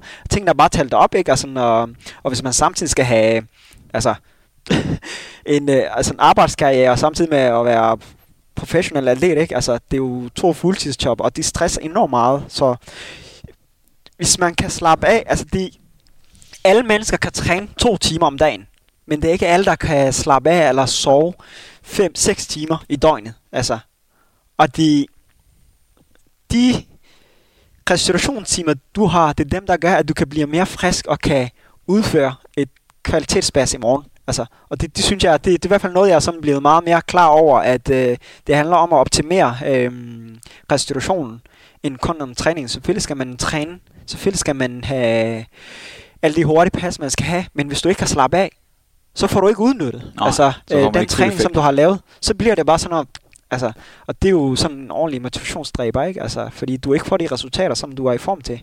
Ja, fordi øh, til alle dem derude også for at vide, jeg ved jo selv med, det, vi kender begge til uddannelse og så videre, men jeg ved jo selv, nogle af de hårdeste træningsperioder, du har haft, nu heldigvis snart tager du overlov, så du kan fokusere fuldt ud på Tokyo, OL i 20. Men du har virkelig haft nogle perioder, hvor du har stået op klokken og trænet, det er vi begge to klokken 5, halv 6 om morgenen, skulle i skole hele dagen, så kommer han hjem, måske kan påbegynde træning klokken 8 om aftenen, ligger i sengen igen klokken 10. Det kan tænke jeg, det kan ikke være særlig optimalt for, det må også frustrere mentalt, at når det betyder alt. Ja, ja, altså det, det, det, det, det kan det. Altså det kan det, og det er jo fuldstændig øh, sindssygt. Altså når jeg tænker tilbage, altså bare sidste år, ikke? Altså der har jeg nogle gange, øh, som du siger, stået op klokken halv fem om morgenen og trænet i en time der, inden jeg skulle med bussen der halv, halv syv. Og så, øh, så kommer man hjem klokken 5, kvart over fem, ikke? Altså, og man er jo fuldstændig smadret. Og så tænker man mig lige, at jeg tager lige øh, en time på året. Øhm, og så sover man lige tre timer, ikke? Og er fuldstændig smadret stadig, og øh, ikke øh, er klar, men man skal lave træningspas. Og så, så sidder man der og siger, åh, skal jeg ud, skal jeg ikke ud, ikke? Altså, og når man kommer ud, så er måske klokken 11, ikke? Altså, nogle gange har jeg bare rendet rundt derude i mørket, og jamen, det er jo det er jo fint, at folk ikke kan se, at man træner også. Så, så lykkes med Colgate-smilet. Ja, ja, ja så, må man bare, så må man bare bruge den som uh, pandelampe, ikke? Altså, så kan jeg i hvert fald se, at folk, der er en, der render, der er levende væsen, der løber rundt i skoven, ikke? Altså, nogle gange så er skovfuglen stoppet mig og siger, hey, du må ikke løbe øh, herude, når solen går ned. Åh, oh, shit, mand. Ja, vinteren er jo uh, så kort, ikke? Altså, og solen går ned klokken 3. Altså, det er så svært. Det, der, det der problematisk, at man ikke kan være et sted, hvor der ikke er så meget trafik, ikke? Altså, øhm, men øh, ja, så øh, hvis man skal sige noget positivt, så er det jo, øh, så træner man i hvert fald hemmeligt mest, altså ens, øh, ens konkurrenter sover, ikke? Altså, det er jo, men altså, jeg vil sige bare, at øh, hvis man virkelig vil, og vil, vil bruge i hvert fald øh, kræfter på at optimere det her med at få restitueret, og med samtidig med at få passet øh, det ene eller det andet, så handler det om at prioritere. Altså, hvor er det, man vil satse på? Og det er jo, altså, igen, altså så er vi jo tilbage der, hvor øh, skole, ikke? Altså, man skal lave opgaver, ikke? Og, og så kommer der karakter, man skal op til eksamen, ikke? Altså, så har jeg også sagt, jeg føler mig ikke dum ved at for eksempel, jeg har fået fire. Jeg, jeg, jeg ved, jeg kommer til at arbejde med mennesker, så nu er jeg i gang med at uddanne mig som ergoterapeut, ikke? Altså, ja. Og et, altså, ja, fordi løssporten har jo også givet mig nogle redskaber, som jeg Absolut. kan bruge på uddannelsen. Som, altså, det med at arbejde med andre mennesker, det handler jo også ofte om at kunne sætte sig ind i, hvad er det, de... Øh, øh, hvad er det, de har behov for? Hvad er det, de siger? Hvad er det, der er vigtigt for dem? Ikke? Altså, jo, øh, jo. Og det er jo, de går begge veje. Altså, når folk fortæller mig, for eksempel når jeg var i praktik, når folk fortæller mig noget, så, så, de, så, så forstår jeg det hurtigere, end for eksempel, hvis, hvis jeg ikke selv har prøvet at jagte nogle ting. Altså, ja, for du har prøvet på egen krop og ja, et eget sind, hvad det vil sige Nå, at det, kæmpe for noget. Ja, og med det der med, at betydning i ting, altså, ja. hvad, hvorfor er det så vigtigt, at jeg opnår det her? Altså, hvorfor, øh, hvorfor er det så vigtig aktivitet i mit liv, i hverdagen, ikke? Altså, øhm, så det er jo, ja, altså. Det, ja, hvis, hvis vi sådan tænker alle de ting, det er jo mange faktorer, vi alle sammen, som man satser på sport hjemme, netop fordi vi er lidt afhængige af at kunne betale husleje, kunne få mad på bordet, helt basalt. Og hvis man kan tillade sig at sige det, så er vi jo rent udsagt ikke, der er nogle få stjerneskud i, i dansk, nu snakker jeg ren atletik, ren løbesport, men niveauet herhjemme er bare ikke særlig højt. Hvis vi ser selv i Europa, men på verdensplan, så er vi faktisk ja, meget, meget mildt sagt, så er vi ikke særlig gode. Hvad tror du grunden er til det? Træner folk forkert herhjemme, eller er der nogle andre forhold, der går så gældende? Hvad, hvad tænker du sådan overordnet set? man kunne forbedre for at tænke, at nu skal vi have, vi skal ikke bare have folk med til OL, vi skal have folk, der går efter at komme på podiet, og realistisk komme på podiet. Ligesom Kenya, Etiopien, USA og så videre, de har gang på gang på gang top performer. Altså hvis man skal se det på sådan øh, objektivt, ikke? Altså, så, så bliver det jo sådan noget som øh, for eksempel at kultur, altså generelt sportskultur herhjemme, det synes jeg, at det, det handler kun om øh, at have det sjovt. Altså øh, elitesport, der er ikke noget kun, altså jo, man kan godt have det sjovt, men det handler også om at, altså, at være seriøs, altså og ikke have så mange ting at tage sig til. Vi har altså, vi har alle de ting, vi skal bruge herhjemme. Altså, Ja. vi, vi, vi løber ikke for at få med på bordet. Nej, Hvorfor skal man pine sig? Altså, øh, og det, det tror jeg er en af de ting, der gør. Altså, og for eksempel, du ser, at øh, frafaldet fra øh, atletikken er enormt stor mellem 16 til 18 års alder. Ja. Og det synes jeg er jo det er et kæmpe problem for sporten. Fordi folk siger jo, at ja, man skal leve et liv. Men andet ting er jo, at øh, fordi at hormonerne de flyver bare øh, i kroppen, og man udvikler sig, altså kroppen har bare brug for, at man restituerer længere tid, så bliver resultaterne også dårligere. Så træner man, jo, man træner selvfølgelig stadig nok, men vores krop kan ikke rigtig følge med. Altså, Nej. øhm, og så, så synes jeg, at på et eller andet vis, så sker der noget, hvor folk ikke ved, hvad fanden de skal gøre efter. Altså, øhm, hvad de skal gøre ved at, øh, at kunne fortsætte. ja. Og når de, kan ikke, når de kan se, at deres udvikling går i stå, og der ikke er øh, nogen til at tage sig hånd om. Altså, Ja. Fordi det, sporten generelt i Danmark er jo drevet af, hvad hedder det, hvad nu hedder, um, frivillige Frivillige kræfter. Ja, frivillige kræfter, ikke? Og de, jeg synes, det er der, de går galt, fordi de frivillige kræfter, altså det er jo nogle få, det er jo folk, der har fuldtidsjob, det er folk, der har familie, det er folk, der har et, et, et liv ved siden af, ikke? De kan ikke bære, altså de kan ikke bære til at udvikle, øh, hvad nu hedder, 50, øh, eller 10 måske i hver klub, ikke? Som bliver verdensstjerner. Det kan de ikke. Altså du tænker, det skulle blive mere professionaliseret, hvis man virkelig altså, jeg skulle synes, nå toppen. Jeg, jeg synes, man skal, det kræver, at man, man skal optimere både, altså man skal, man er, og for kort sagt, at man mangler penge, altså, Ja, der mangler noget økonomi, altså, ja. til at ikke kun kunne, hvad hedder det, ansætte nogle lærer, for eksempel, til at måske, altså man er nødt til at lave nogle idrætsklasser, for eksempel i gymnasierne, og som, man er nødt til at skabe nogle kulturer i hver landsdel, hvor man tænker, at det er fedt at gå til atletik. Ja. Jeg synes ikke, at folk, hvis, hvis, hvis du siger, at du løber, så siger du, løber du maraton? Nej, det er ikke, atletik er ikke kun maraton. Altså, Jamen, det er der er længdespring, der er spydkast, der er højdespring, der er træspring, ikke? Altså, der er sprint, der er hækkel. Altså, der er jo alt muligt. Men folk ved jo ikke. Men hvis du spørger, at øh, når man, øh, jeg spiller i øh, Ajax for eksempel, ikke? Altså, wow, ikke? Altså, det er Ja. også det. Altså, selvfølgelig har jo meget øh, tv. Altså, det er jo det, du ser i fjernsyn. Det har jo også meget at sige. Men, men jeg synes bare, at det... Sådan på den korte bane, så eller på den lange bane faktisk, øh, så, så skal man simpelthen øh, sætte nogle øh, ressourcer, ressourcer af, og så samtidig med, så skal man udvikle nogle kultur, altså Ja, kulturen er vel alfa og Ja. omega simpelthen for at skabe nogle resultater. Og så også måske folk, som du siger, har mere fokus. Det kan godt være, at man træner hårdt, men hvis man virkelig når langt, så er det nok heller ikke smart at gå i byen og drikke hjernen ud hver fredag aften og komme i seng klokken 4 om natten. Gang på gang på gang. Ja, ja, For at nå hele vejen. Jeg, jeg synes, altså, det, det kan man jo sagtens gøre i off-season for eksempel. Altså, Ja, det er og- perioder, ja, bare man ikke perioder, året rundt, ikke? som Altså, man ser nogle Ja, præcis. gøre. Altså, det er jo, altså, hvis man træner nok og får en øl eller to, måske øh, Ja. to-tre gange eller fire gange om måneden, så er det jo ikke det, der er afgørende. Men, Nej, men, men nej. jeg synes bare, at øh, det er lige før, at at det med at gå i byen, der er større kultur, øh, at, at flere unge interesserer mere for at altså ødelægge hjerneceller, end, øh, end øh, bruge deres krop på noget fornuftigt, som måske andre kan se op til og sige, øh, jeg har en storbror, der var med til VM, eller jeg har en søster, der vandt, øh, eller der blev top 10 til OL, ikke? Altså, Jo, jo. Øh, øh, eller jeg har en søster, der var med til VM øh, eller EM-finalen øh, for kv- kvindefodbold, ikke? Altså, øh, jeg synes bare, at generelt uh, sportskulturen herhjemme, den er, den, den er lidt for tynd, men hvad man skal gøre, det, det, altså, det, det ved jeg ikke rigtigt. Jeg har ikke sådan... Nej, så længe du fokuserer ja, på dig, ja, så ja, kan... Men ja. hvordan, hvis nu siger, at uh, Abdi her i dag, um, hvor du er træningsmæssig, hvis nu du kunne få dit drømmescenarie, for du bliver den bedst mulige løber, for at nå din ultimative drøm, hvad skulle du have af muligheder og redskaber? Skulle du have er det finansielle midler, bedre kost? Er det en træningsgruppe? Er det højden? Hvad, hvad skulle du have for at blive den bedst mulige, hvis økonomiske midler ikke var et issue? Så skulle jeg bare have røven med mig. Simpelthen bare røven ja. afsted? Ja. Altså jeg personligt, altså det...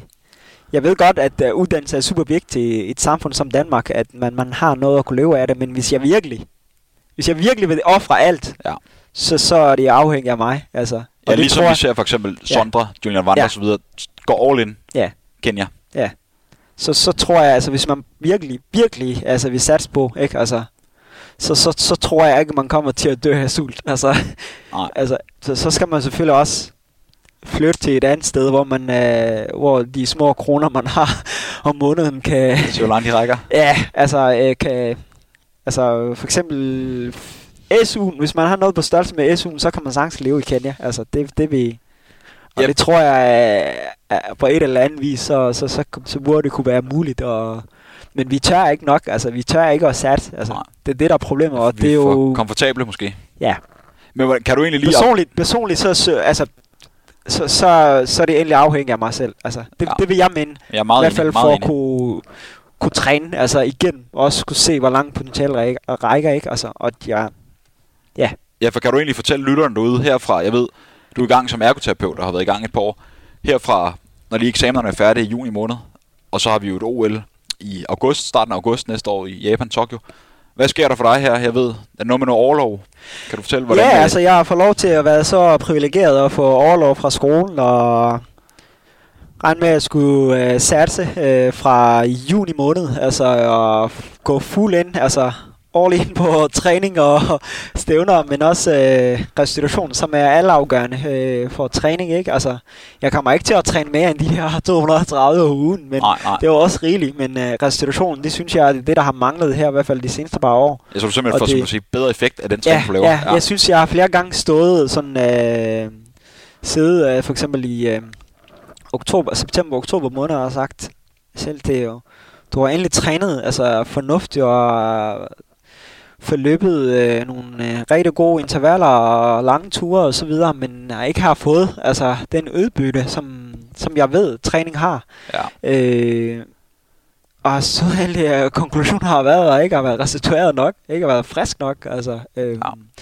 Og det, det tror jeg, at det, det i hvert fald kommer til at hjælpe det næste, år, næste års tid, altså frem til september 2020.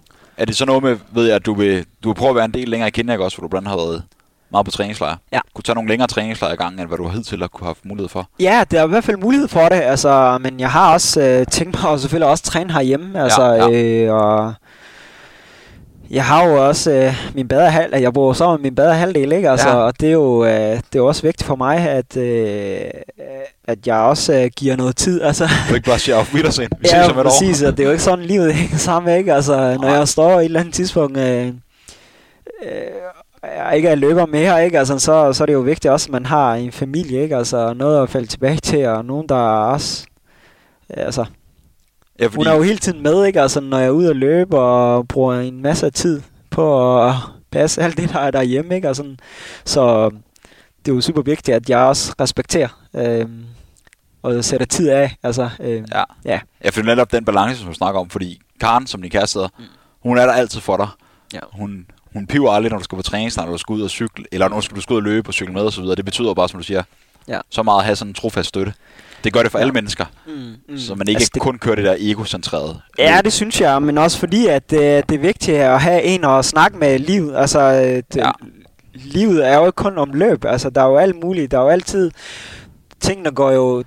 Man, altså, det er jo ikke, det er jo ikke altid ting, der går rigtig godt, vel? Altså, øh, og og det, det er vigtigt at have en at snakke med, og, altså, og, en man holder af, en der holder af en, ikke? og en der man kan grine sammen med og græsse med nogle gange, når de, når de ikke kører, ikke? Altså, så der er ikke nogen mennesker i verden, der har godt af at leve alene, altså, Nej. Det, det, det fortjener man simpelthen ikke, altså, øh, fordi så, ja, altså, Ellers så er du altid bare- velkommen på Frederiksberg, Ja. ja. grine Ja. og græde og Ja. sjov ballade. jeg ved, jeg kan i hvert fald sætte GPS'en på, ikke, altså, Bare afsted. Ej, så, ja. Lige øh, få punkter tilbage her. Nu øh, sidder vi som sagt her i slut april i 2019. Hvad er din største drøm? Man må godt have lov at drømme her inden for løbsporten. Hvad, hvad tror du er muligt, og, og hvad kunne du godt tænke dig inden for løbsporten? Altså, Har du haft noget min største drøm, det er at stå på podiet, altså øh, til VM eller OL, øh, en dag og sige, at øh, det er ikke umuligt. Altså, øh, som sagt, jeg går for, forrest i kampen, altså for at også vise, om det er... at Det handler ikke om, altså, om du er sort eller hvid, eller, hvid, eller har øjne på nakken, eller løber baglæns, så længe du... Øh, To arme, to ben. Ja, præcis. Øh, kommer fremad og så får arbejde og opnå din, altså, indfrier din drømme, ikke? Altså, øh, men samtidig med også øh, vise andre, altså vej- vise vejen for andre, ikke? Altså, øh, at det ikke er umuligt. Øh, Det synes jeg, at det der med, at tingene ikke er umuligt, så længe man gør en indsats, og så længe man prøver, ikke? Altså, så længe man tør at satse, altså, øh, og det er ligegyldigt, hvad for noget, hvad for en ting det er, øh, Ja. så, så synes jeg, at det er en, at øh, jeg vil være tilfreds en dag, hvis jeg også skal motivere andre, der kan opnå deres mål, ikke? Altså, et eller Og andet. det er jo fantastisk at have. Altså, ja, ja, præcis. Altså, øh, øh, altså, men, men at kunne løbe øh, under 206 på en maraton, det, det, det er jo også en af drømmene. Så snakker vi altså over ja. 20 km i timen for dem Ja. derude. Tre, Ja. Under 3,0 per kilometer, hvilket Ja, præcis. Og det tror jeg er muligt. Det Ja. tror jeg er muligt, fordi altså, nu har jeg jo trænet i 10 år, øh, og folk, der har løbet under de her øh, 206 og så videre, der er jo flere af dem, der har trænet ja, 20 år, ikke altså? Øh, Ja. Og som har at det her løbsport som deres fuldtidsjob, ikke altså? Øhm, Ja. Så det handler selvfølgelig også om personlig valg, ikke? Altså, hvad er det, man vil satse på? Hvad er det, der betyder mest for en? Altså, øh, inden for i hvert fald for sporten, ikke? Altså, mm, Jo.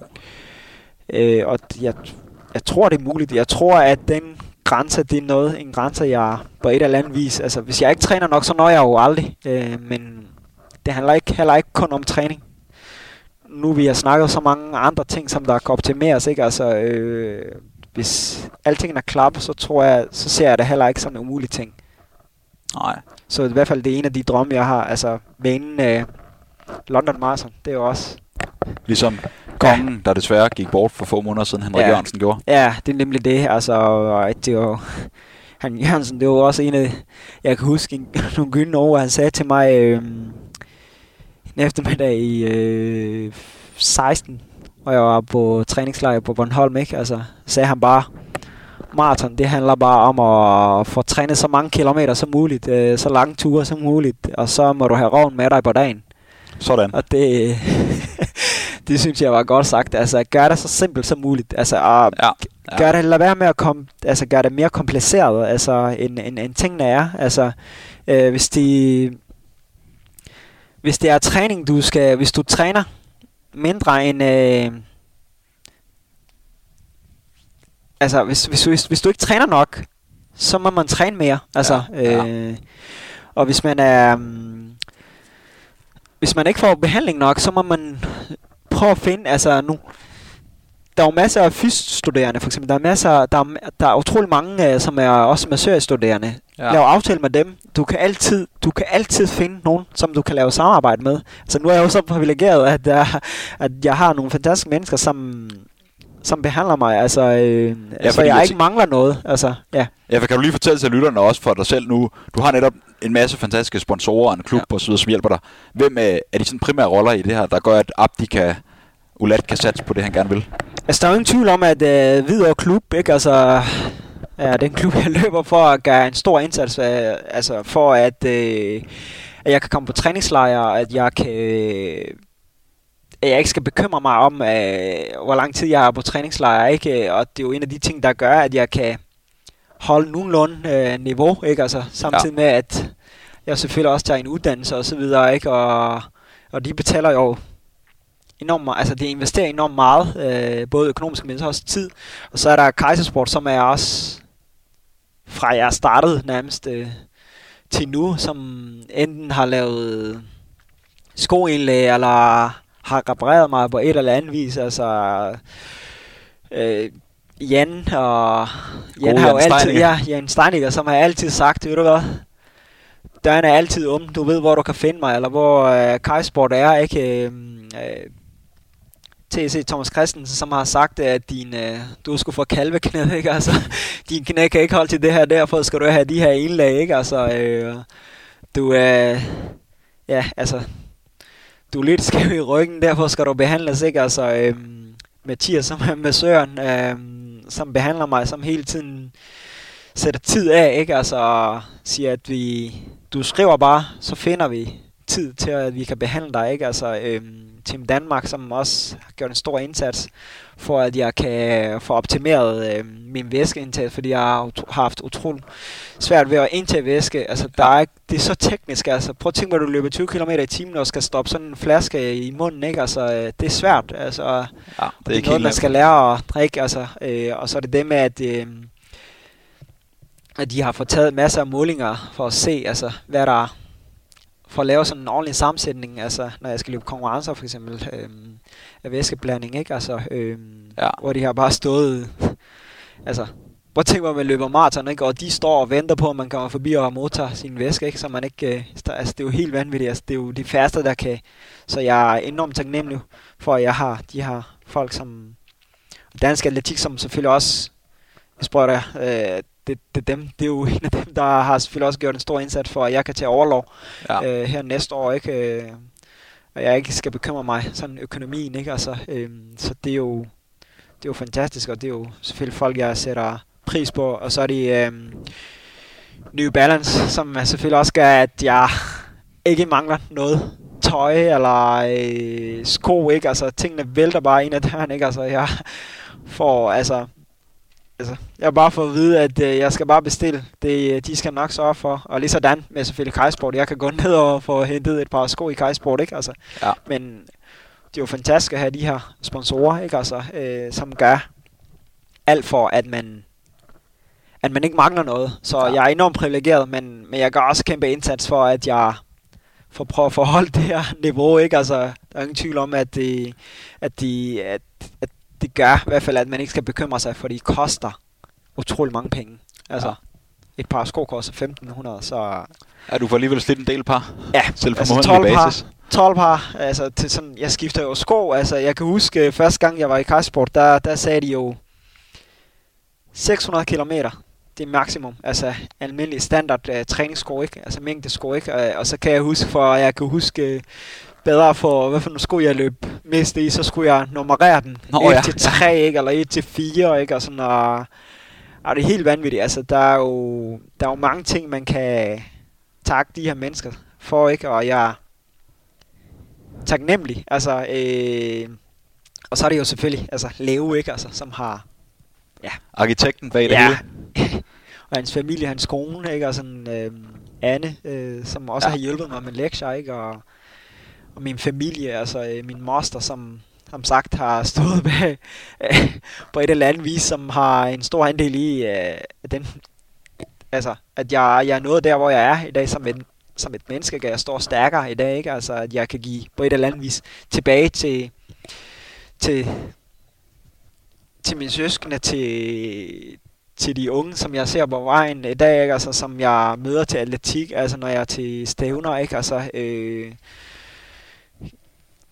altså, at jeg kan give tilbage, altså på et eller andet vis, ikke? Altså, øhm, og det er jo, det er svært at betale tilbage, selvom, selvom jeg ved, jeg ikke er, at jeg ikke skal, så, så er man jo på et eller andet vis forpligtet. Altså, det ja. føler jeg i hvert fald, at det, at det er vigtigt, at det har man brug for. Ja. Det er jo det eneste måde, at atletikken kan udvikle sig, altså fremadrettet, at man, at man ikke kun, altså det ikke kun handler om økonomien, men også handler om, at der er flere, der, øh, der går forrest i køen, og det er jo, og det er jo også nogle af de ting, jeg tænker, når jeg stopper et eller andet tidspunkt, og ikke, øh, og benene ikke kan mere, så, så må jeg se, om jeg er, kan få flere til øh, at opnå det, jeg ikke selv har opnået, ikke? Altså, øh, Ja.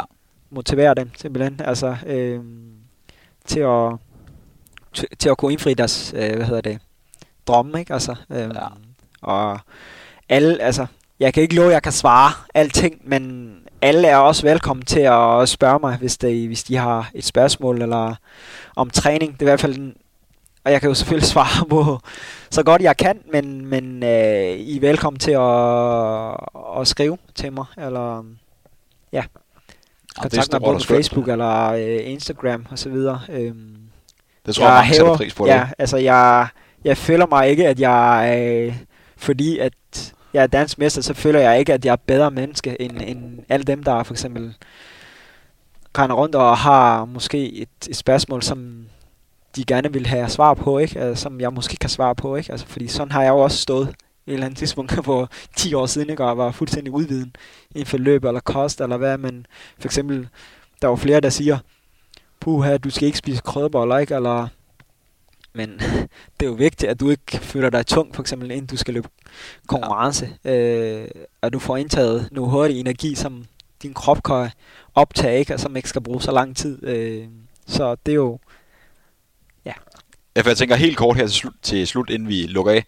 Har du et enkelt eller to gode råd til, til løberne derude, uanset om man er nybegynder eller eliteløber, eller bare en, en god supermotionist? Jo, altså først og fremmest så vil jeg jo sige, at, øh, at løb er absolut de hårdeste, du kan udsætte for din krop. Altså det skal, det skal man være klar over. Altså løb er simpelthen så hårdt. Øh, så man skal jo, inden man starter, så synes jeg, at det er vigtigt at spørge sig selv, om det er det rette, man gør. Og hvis man tænker, ja, altså det, jeg vil gerne løbe, så skal man starte et sted, hvor man, hvor ens krop kan følge med hvor man oplever nogle succesoplevelser. Altså, øh, fordi de er jo med til at få en til at opnå altså, det ultimative drømme. Ikke? Altså, øh, så det handler ikke kun om at øh, altså, komme hurtigt fra A til B fra første dag. Ikke? Altså, der er ikke nogen, der opnår øh, deres drøm altså, øh, over, over natten. Vel? Altså, så det handler om at starte i et tempo, hvor kroppen kan følge med. Ja. Øh, anden er jo fodtøj. Altså, jeg synes, det er afgørende, at man ikke...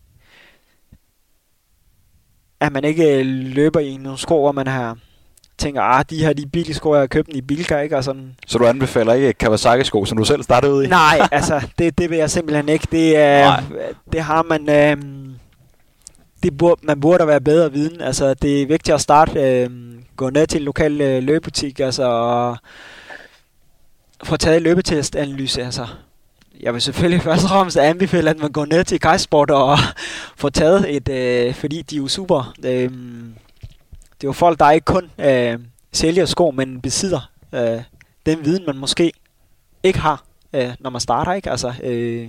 De faglige, og de sætter tid af, og de får man går ofte ikke derfra, altså, øh, før man har fundet et par sko, der passer til en. Jeg kan huske, for eksempel, hvis jeg må betale at øh, jeg, sammen, jeg og så var Jan, hvor I brugte halvanden time for at finde et par sko, der passede mig. det var fuldstændig vildt, altså. Øh, og til sidst, der tænkte jeg bare, finder vi overhovedet et par sko, der vind, men det var der.